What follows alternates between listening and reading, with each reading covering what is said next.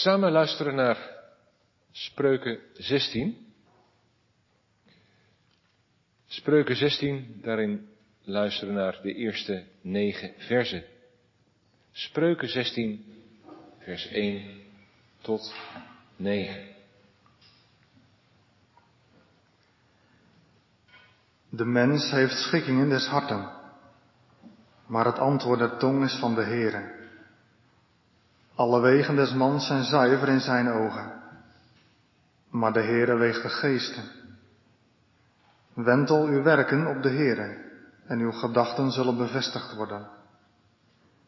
De Heere heeft alles gewrocht om zijn zelfs wil, ja ook de goddeloze tot de dag des kwaads. Al wie hoog is van hart, is de Heer een gruwel. Hand aan hand zal hij niet onschuldig zijn. Door de goede tierenheid en trouw wordt de misdaad verzoend. En door de vrezen des Heeren wijkt men af van het kwade. Als iemands wegen de Heere behagen, zo zal hij ook zijn vijanden met hem bevredigen. Beter is een weinig met gerechtigheid dan de veelheid der inkomsten zonder recht. Het hart des mensen overdenkt zijn weg, maar de Heere stiert zijn gang. Tot zover schriftgedeelte. Wat is wijsheid? Misschien heb je dat van de week wel afgevraagd. Als je bij een, voor een keuze staat. Als je het aanbod hebt gekregen om ergens anders te gaan werken. Hoe weet je nou wat je moet doen? Als je nadenkt over een vervolgopleiding naar je examen, wat is nou wijs? Gemeente, samen luisteren naar een gedeelte uit Spreuken. Woorden van God via Salomo aan Israël en ook ons gegeven.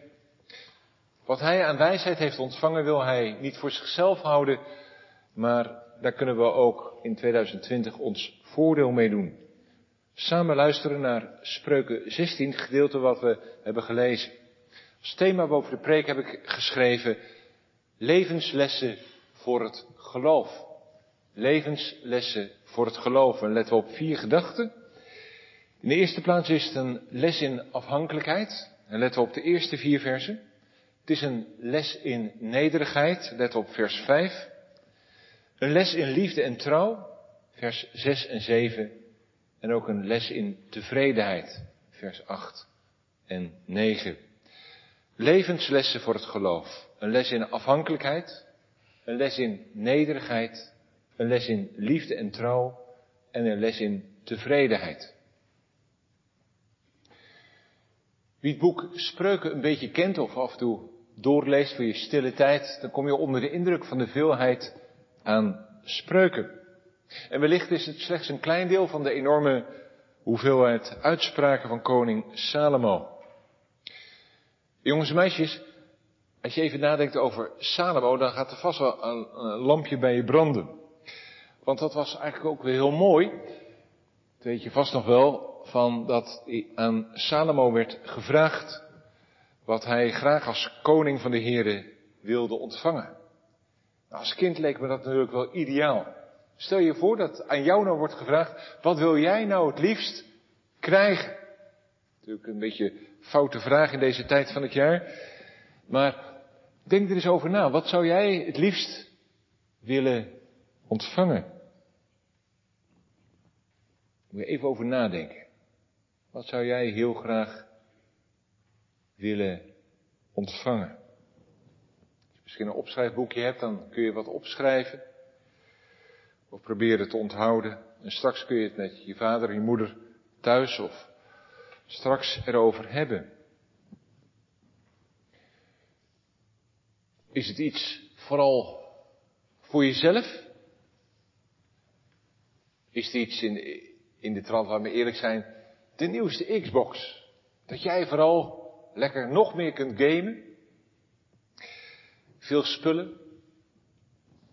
De gids heb je al gezien, de speelgoedgids. Maar het is eigenlijk misschien wel heel mooi als je erover nadenkt, ja, ik denk nu misschien vooral aan mezelf, maar als de Heere God mij nou talent geeft dat ik ook voor bijvoorbeeld arme kinderen in Afrika kan zorgen, vind ik het al heel mooi. Dus Vraag je vooral iets voor jezelf?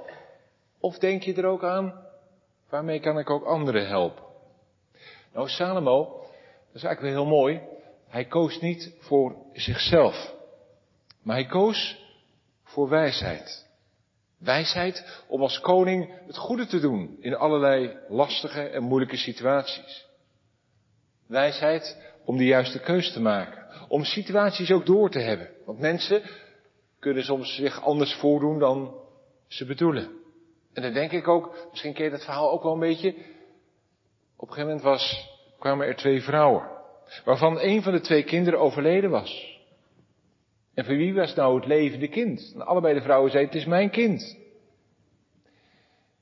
En het klinkt natuurlijk heel raar wat Salomo dan zegt. Nou ja, dan moeten we dat levende kind maar in twee delen. Hebben jullie allebei de helft. Dat klinkt natuurlijk heel raar. Maar die echte moeder zei, nee, laat dat niet gebeuren. Geef dat, dat kind dan maar aan die andere vrouw. En die andere vond het wel goed. En toen wist Salomo, nu weet ik wie de echte moeder is. En die moeder die bereid was om haar kind weg te geven, dat was de echte moeder. En dan merk je wel, wat een wijsheid. Natuurlijk kun je nu denken, ja, wijsheid, ik ben niet de beste van de klas. Maar in de Bijbel is wijsheid wat anders dan dat je heel goed mee kunt komen. Dat is een zegen. Als je goed bent in rekenen, in taal, het is fijn als je goed kunt leren. We mogen de Heere God danken als je over bent gegaan naar de volgende groep. Het is best moeilijk als je bent blijven zitten. Als je toch je best hebt gedaan. Maar voor de Heer is dat niet het belangrijkste. Echte wijsheid heeft te maken met, wil je luisteren naar wat ik te zeggen heb, zegt de Heer tegen jou. Of dat je het aanhoort, je zit in de kerk, of je luistert thuis mee, maar je trekt toch weer je eigen plan. Je gaat toch weer je eigen gang. Nou ja, dan ben je ook wijs, maar met een woordje ervoor. Dan weet je het wel, eigen wijs. Elke dag krijgen we lessen in het geloof. Ook voor jou. Hoe dan? Nou, eigenlijk heel eenvoudig. De Heere God kijkt ook naar jou of je wilt luisteren. Of je luistert naar je vader, naar je moeder. Als je ze allebei mag hebben. Doe je dat? Nou, best wel lastig soms, hè. Die ouders van jou, die begrijpen lang niet alles. En die ouders van jou zijn natuurlijk de meest ouderwetse ouders van Arnhemuiden en de omgeving. Maar ja, de andere kant is, als je nou je ouders al niet gehoorzaamt, terwijl je die ziet, hoe denk je dan God te kunnen gehoorzamen die je niet ziet? Moet je eens over nadenken. Dus de Heere God oefent jou in het gehoorzamen van de Heere God door je ouders te geven en jou te oefenen dat je steeds naar hen zult luisteren. Gemeente, u hoort het al, belangrijke levenslessen en geloofslessen vinden we in hoofdstuk 16, in die eerste negen versen. Lessen die we nodig hebben in ons leven. Hoe verschillend we ook zijn, jong of oud, we hebben dat allemaal nodig.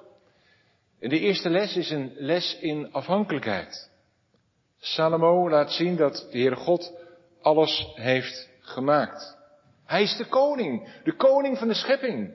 En ook in de zorg voor de seizoenen zien we iets van zijn wijsheid. Alles gemaakt.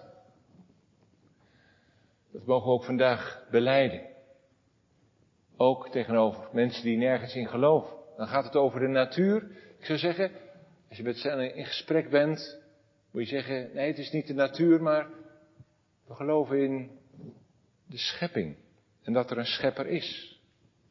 En ook al is de zonde gekomen en, en loopt alles heel anders, toch mogen we beleiden, het loopt onze God niet uit de hand. Hij regeert. Ook in deze rare en nare tijd. Toch wel. En wij mensen hebben plannen. Overleggingen van het hart, zegt Spreuk. Dat is niet verkeerd. Als je een studie wil gaan volgen, dan moet je goed plannen. Maar ook bij een nieuwe stap in je leven. Misschien heb je van de week wel even gekeken naar het huis dat te koop staat in de omgeving. Wat doen we? Gaan we ons huis ook te koop zetten? Maken we die stap? Of een andere baan? Voor jezelf beginnen? Allemaal spannende momenten. Wat is wijsheid? Nou, in ieder geval, gemeente, wat is wijsheid? Wat is belangrijk om in afhankelijkheid van de Here je weg te gaan? Dat je niet zegt, pas bij bedragen boven de 500 euro gaan we onze handen vouwen. Nee, stel op de Heer in alles uw betrouwen, zegt Psalm 37. Heel concreet. Dat je je leven openlegt en dat, om het zo te zeggen, de Heere God in alle kamertjes van ons leven mag komen. Opvallend is wat er staat in vers 2. Al zijn wegen zijn iemand zuiver in zijn eigen oog. En als je met iemand in gesprek bent, of die nu gelooft of niet gelooft, of die iets met de kerk heeft of niet. Elk mens heeft reden om het zo te doen als hij of zij denkt. Anders zou hij of zij het niet doen. Maar dit is wel heel belangrijk, ook als je ergens tussen de 12 en 25 bent. Jonge vrienden en vriendinnen, waarom doe je iets? Omdat het goed voelt? Omdat jij vindt dat het zo moet? Of misschien wel druk van anderen, wat zal de groep ervan vinden? Angst om niet goed in de groep te liggen? Maar wij zijn uiteindelijk niet de norm. Ook niet ons gevoel, want het gevoel is bedriegelijk. Kan je een geweldig gevoel geven en het volgende moment voel je je zo ellendig. En daarom staat er in dit gedeelte, de Heere weegt de geest of toetst de geest. Het betekent zoveel als de Heere ons peilt. Een dieptepeiling in ons leven doet. En hij weet wat voor diepste beweegredenen er zijn. In ons hart, in ons leven. Hij kijkt naar de diepste motieven van waarom we die dingen doen. Als we doen. Het is belangrijk om dat te beseffen. Psalm 139 zegt dat ook. Hij doorgrondt ons, hij kent ons. Ja, hij kent ons nog veel beter dan dat we onszelf kennen. Soms heb je wel eens een situatie dat je in één keer op een bepaalde manier reageert. En je denkt, dat, ja, zo ken ik mezelf eigenlijk nog niet. Nou, de Heer, hij kent ons van A tot Z. Hij toetst de geest. In het Hebreeuws is er sprake van het wegen van de geest. wegen van de harten van ons mens. Hij toetst onze motieven.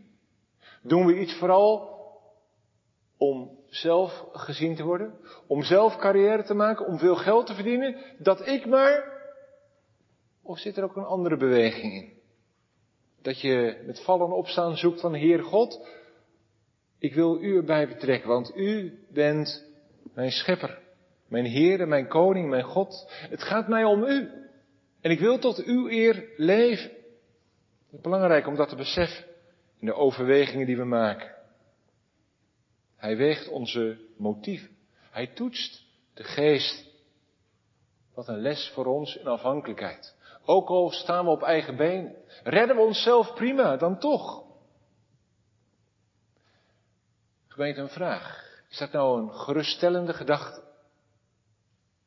Dat de Heer onze motieven kent tot op de bodem van ons bestaan? Of wordt het dan toch een beetje onrustig? Ja, dus hij weet eigenlijk ook wel een beetje Omdat je geweten misschien uiteindelijk zegt dat je eigenlijk niet goed leeft zo. Nou, laten we maar eerlijk zijn, soms schrik je toch ook wel van je eigen motieven. Aan de buitenkant weten we het natuurlijk mooi te verpakken, maar van binnen weet je wel beter. Zijn we soms veel bezig om, om vooral gezien te worden. En goed over te komen in de ogen van een ander. Dat zit tot in de diepst van je gedachten door alles heen zodat je soms ook hardgrondig kunt walgen van jezelf. Bah, wat ben ik toch voor een persoon? Zo egocentrisch alsof alles om mijzelf draait.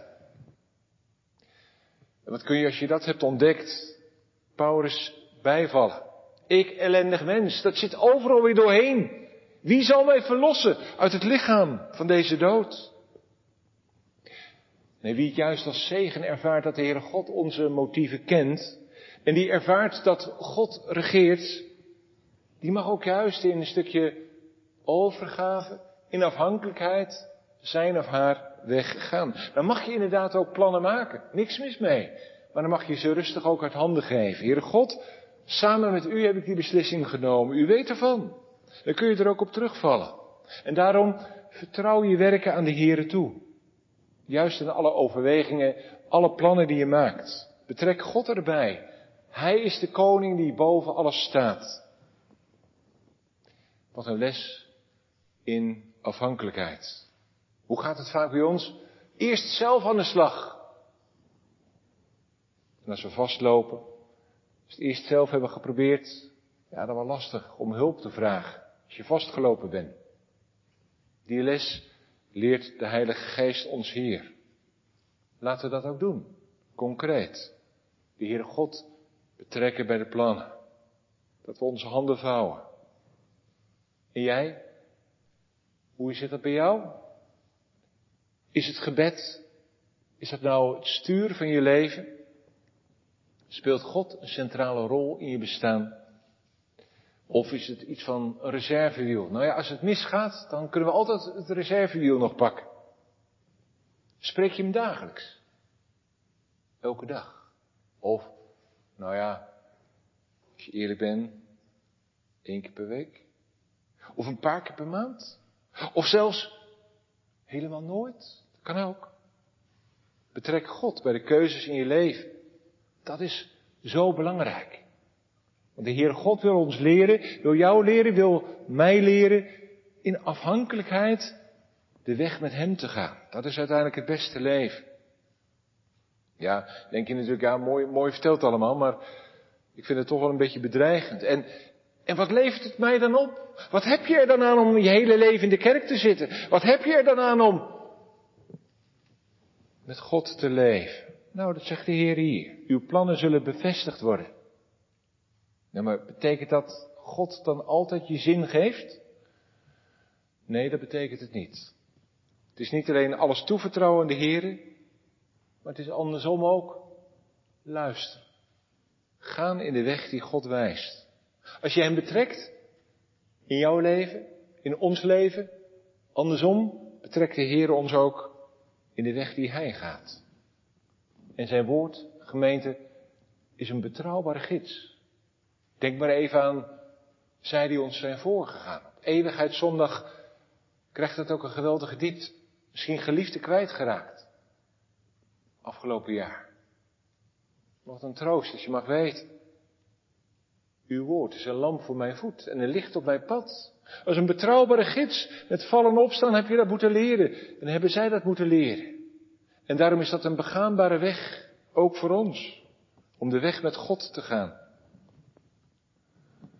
De Heere wijst de weg. Zijn woord is een betrouwbare gids.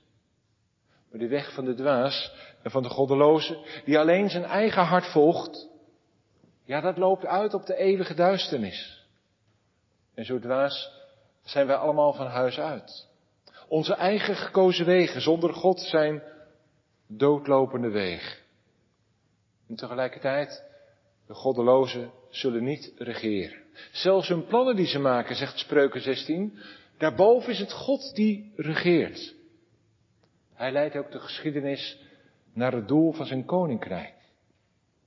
Niet de duivel heeft er dus voor het zeggen, maar de Heere regeert. Wat een houvast, wat een troost voor het geloof. daarom nodig dat we in afhankelijkheid onze weg met God gaan. Gezegend wie zo leeft. Dat brengt ons bij de tweede. Tweede les. Levenslessen voor het geloof. Een les in afhankelijkheid en ook een les in vertrouwen, dat hebben we gehoord. Maar het tweede is een les in nederigheid. Want in het gedeelte van vers 5 horen we dit. Al wie hooghartig is, is voor de Heere een gruwel. Hand op hand, hij zal niet voor onschuldig gehouden worden. Duidelijke woorden een gruwel. Als je een briefje uit de, hemel wil, dan is dit een duidelijk briefje. God vindt het hoogmoed, arrogantie verschrikkelijk. Je kunt het zo duidelijk en helder krijgen als je maar wil, gemeend. Tenminste, als je het horen wil. Waarom gaat God daar zo tegenin? Nou, heel eenvoudig, omdat Hij zelf de Allerhoogste is. Hij is onze Allerhoogste Koning. Boven Hem kan er niemand staan. En hij duldt ook niemand naast zich. En hij als schepper en onderhouder van het leven heeft alles zijn plek gegeven. Hoog van hart, dat is nou precies de oerzonde. Ga precies tegen Gods bedoeling in. Hij heeft ons geschapen om tevreden te zijn met de plek die hij ons heeft gegeven. Levend met God je eigen plek in de schepping kennen, maar ook in vrede met de naaste. Juist de hoogmoed. Niet tevreden zijn. Het hooghartige, dat is juist de duivelse van ons mens. Letterlijk en figuurlijk geldt dat. Hoogmoed komt voor de val. Ook in het paradijs. Wij wilden, wij willen als God zijn. We klommen, om het zo te zeggen, omhoog op die ladder. Wat zijn we ongelooflijk diep gevallen. Allereerst is het misgegaan in de engelenwereld. Niet alleen zijn er goede engelen, maar er zijn ook slechte engelen. De duivel, hij was niet tevreden met zijn plaats. Hij is in opstand gekomen, terwijl hij een hoge positie had. Zo weten we uit de weinige Bijbelgegevens. Hij wilde omhoog en is tegelijkertijd diep gevallen. En nu heeft hij Adam en Eva en heel het menselijk geslacht meegesleurd in die diepe val. Dus hij herinnert aan de oerzonde, zeg maar de moeder van alle zonden. Daarom is het een gruwel in Gods oog. En het verrassende is, de Heere is zo anders. Ik kwam een prachtig citaat tegen van kerkvader Augustinus in een preek over de woorden van Jezus uit Matthäus 11. Dat zijn die bekende woorden waarin Jezus zegt, leer van mij, puntje, puntje, puntje. Dan weten we het eigenlijk wel wat er komt, maar dan kan de verrassing er ook wel een beetje af zijn. En daarin zegt Augustinus, mensen vragen aan Jezus, vertel ons, wat kunnen we nu van u leren? U heeft alles gemaakt. Wilt u ons dan leren hoe de aarde vastgezet moet worden? Wilt u ons hele grote dingen leren? Hoe de lucht uitgespannen wordt? Hoe het zit met de afwisseling van de jaargetijden? Wilt u ons leren wat u op aarde heeft gedaan? Dan kunnen we leren hoe we melaatsen moeten reinigen, hoe we demonen kunnen uitdrijven, hoe we doden tot leven wekken. Niets van dit alles, zegt Jezus. Wat dan wel? Leer van mij dat ik zachtmoedig ben en nederig van hart. Ik zal jullie leren wat ootmoed is, wat zachtmoedigheid is. En dan vervolgt Augustinus, schaam je trotse mens, schaam je voor God. Als God naar je omziet, laat hij je dan in nederigheid vinden. Want, dat is heel belangrijk, God zelf is nederig. Hij woont in de hemel, hij ziet om naar de nederige. Hij heerst over de wereld. Kan het verhevener? Hij hangt aan een kruis. Kan het nederiger? Als hij zoiets voor jou heeft gedaan, zegt Augustinus. Mens, hoe durf je je dan nog te verheffen? Hoe durf je dan nog op te, op te blazen? Arrogant, dat is wat je bent. God is nederig. En durf jij dan nog trots te zijn? Heel duidelijk, deze woorden. Andersom betekent het ook dat de nederige juist door hem wordt gezien. Die zich met ootmoed bekleedt gemeet. Die is een sieraad voor de Heer. En die les leren we dicht bij de heiland. Hij is klein geworden. Komende weken, de adventsweken, gaan, leven we heen naar kerst. Wat is hij ongelooflijk klein geworden. God neergelegd in de kribbe. En heel veel bijbelteksten kunnen dat onderstrepen. 1 Petrus 5 bijvoorbeeld. Wees met ootmoed, wees met nederigheid bekleed, want God keert zich tegen de hoogmoedigen, maar de nederigen geeft hij genade. Verneder u dan onder de krachtige hand van God, opdat hij u op zijn tijd verhoogt. Wat een les in nederigheid. Wat een les in ootmoed. En wat ontvang je dan? Iemand zei het eigenlijk heel mooi. In het dal van de ootmoed, daar groeien de mooiste bloemen. Ik herhaal het nog een keer. In het dal van de ootmoed, daar groeien de mooiste bloemen. Dat brengt ons bij het derde. We hebben geluisterd naar een les in afhankelijkheid en vertrouwen. Eerste aandachtspunt. Nu ook een les in nederigheid om niet hoogmoedig te zijn. Het derde is een les in liefde en trouw. Want in vers 6 lezen we dit. Door goede tierheid en trouw wordt een misdaad verzoend. En door de vrezen des Heren wijkt men zich af of keert men zich af van het kwade. Als de Heere behagen schept in iemands wegen, zal hij zelfs zijn vijanden vrede met hem doen sluiten. Een les in liefde en trouw, door af te wijken van het kwade. Vaak is het niet zo moeilijk om te zeggen van wat niet mag en hoe het niet moet. Maar het is wel veel lastiger om dan het goede voorbeeld te geven.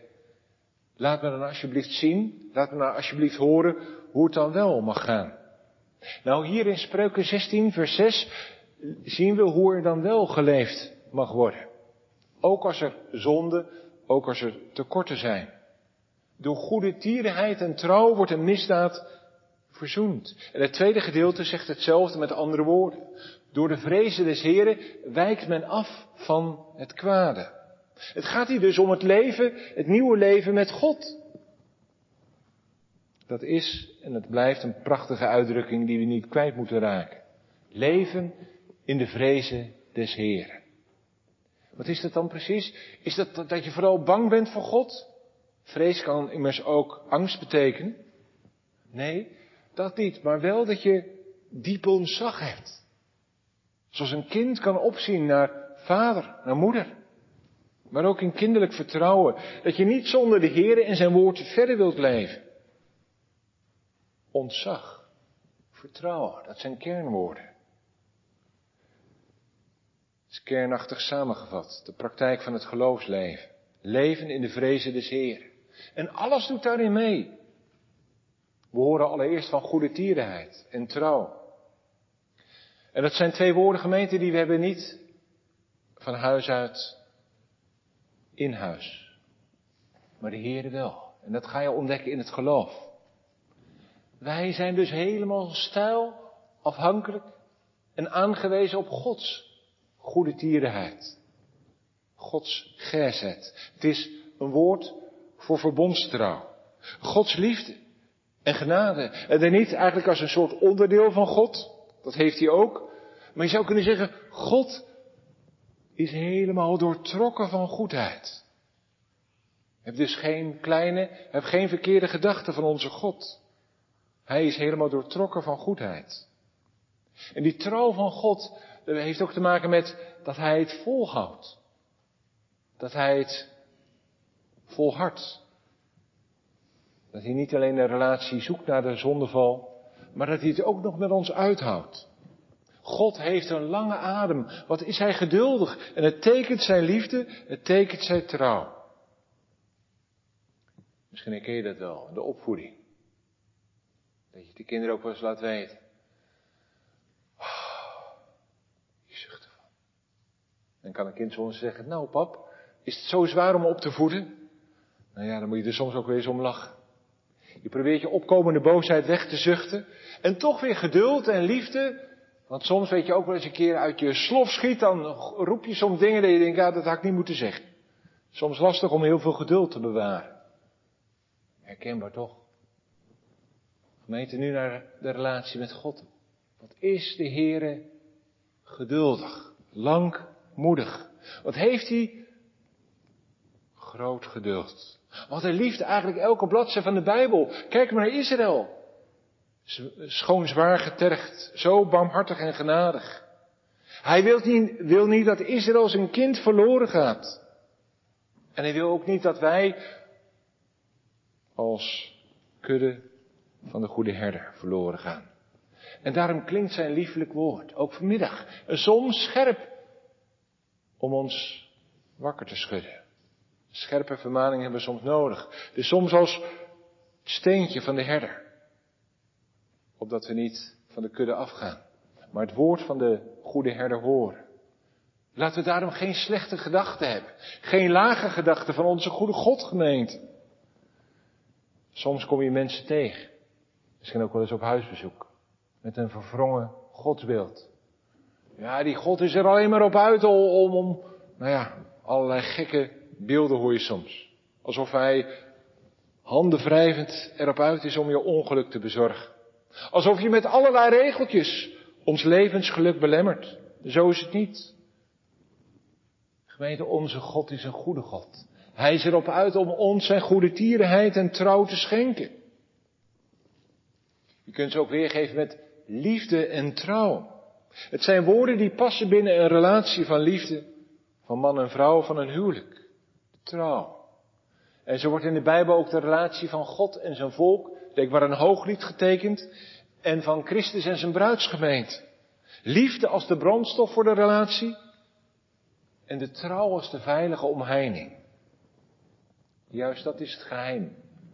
Dat Christus, dat God verloren zondaars aanneemt. Hij verzoent hun zonde. Hoe? Door zijn zoon naar de aarde te zenden. Jezus Christus gaf zijn leven in onze plaats. Wat een liefde. Wat een goede tierenheid. Wat een trouw.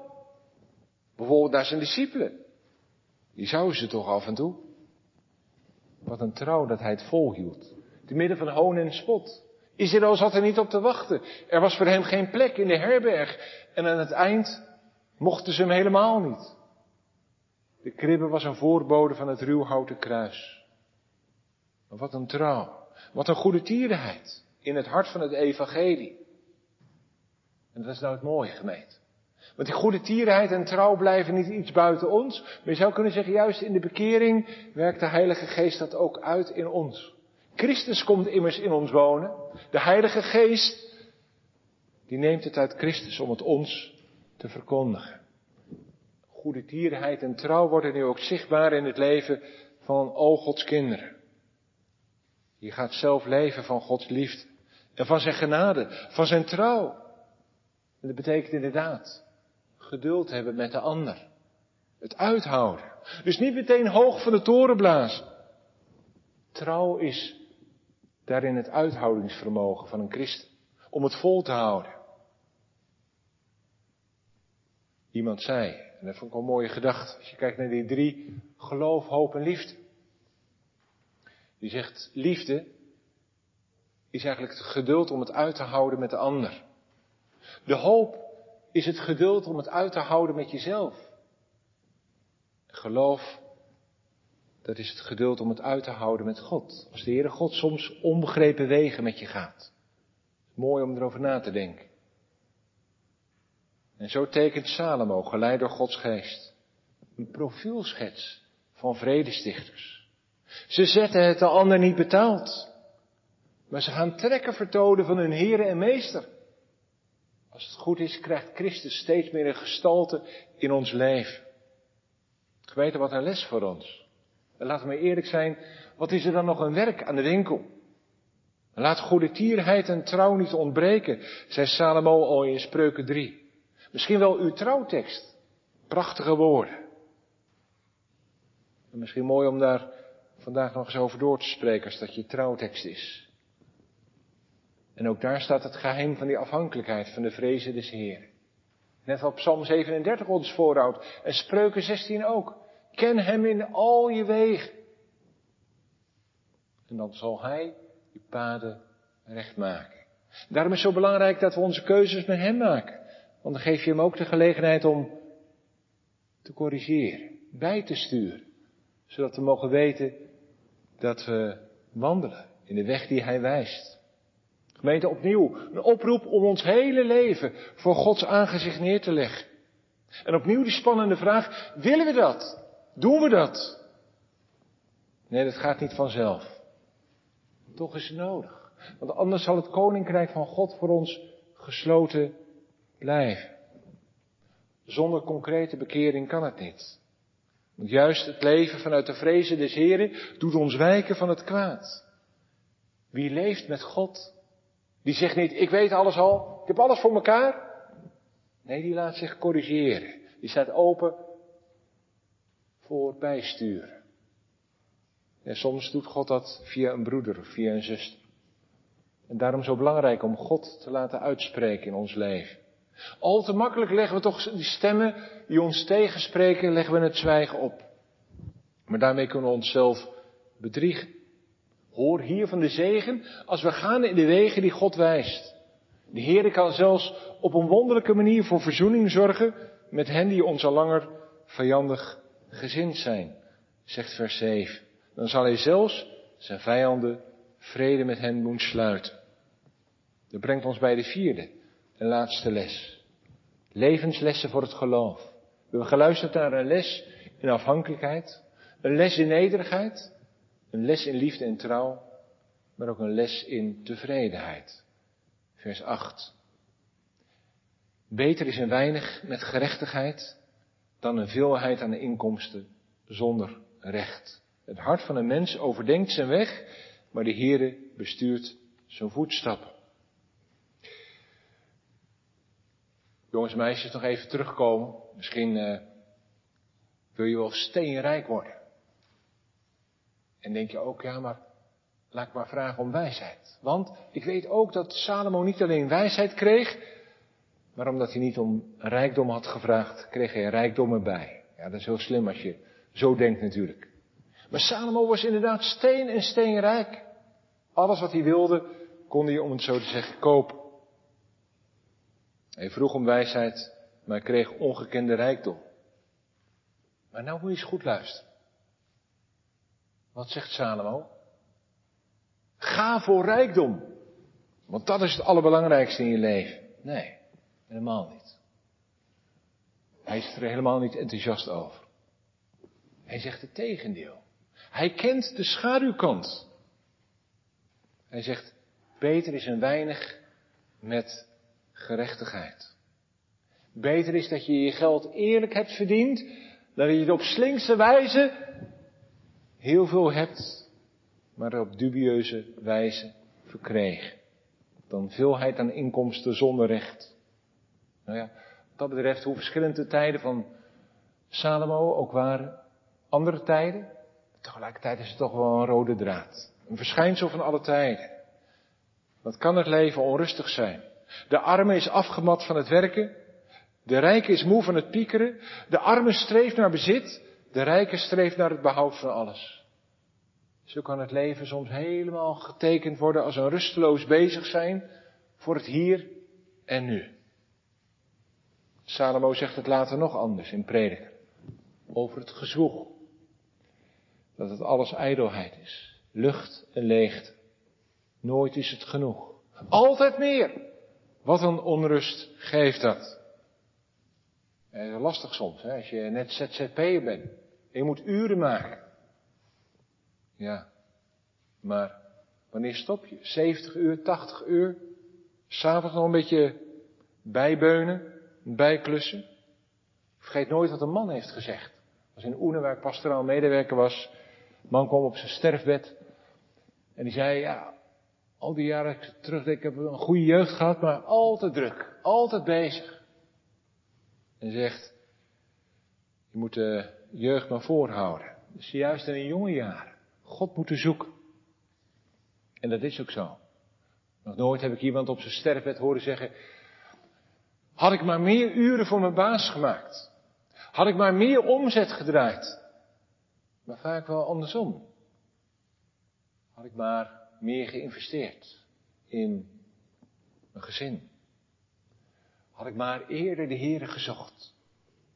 Daarom, als je nadenkt over dat perspectief, wat nou echt het belangrijk is, dan moet je soms ook keuzes maken. Salomo, steenrijk, laat ook iets van de keerzijde zien. Spreuken 30 horen we ook Ager bidden.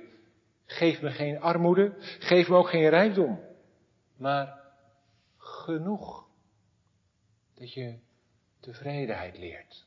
Tevreden met wat je ontvangt. Wat kijken we vaak naar de ander? De nieuwste BMW. Hé, waar doet hij dit van? Wat doen wij verkeerd? Zo'n vreselijke vraag. Wat doen wij verkeerd? Slaat natuurlijk nergens op. Al snel kijken met een jaloerse blik naar de ander.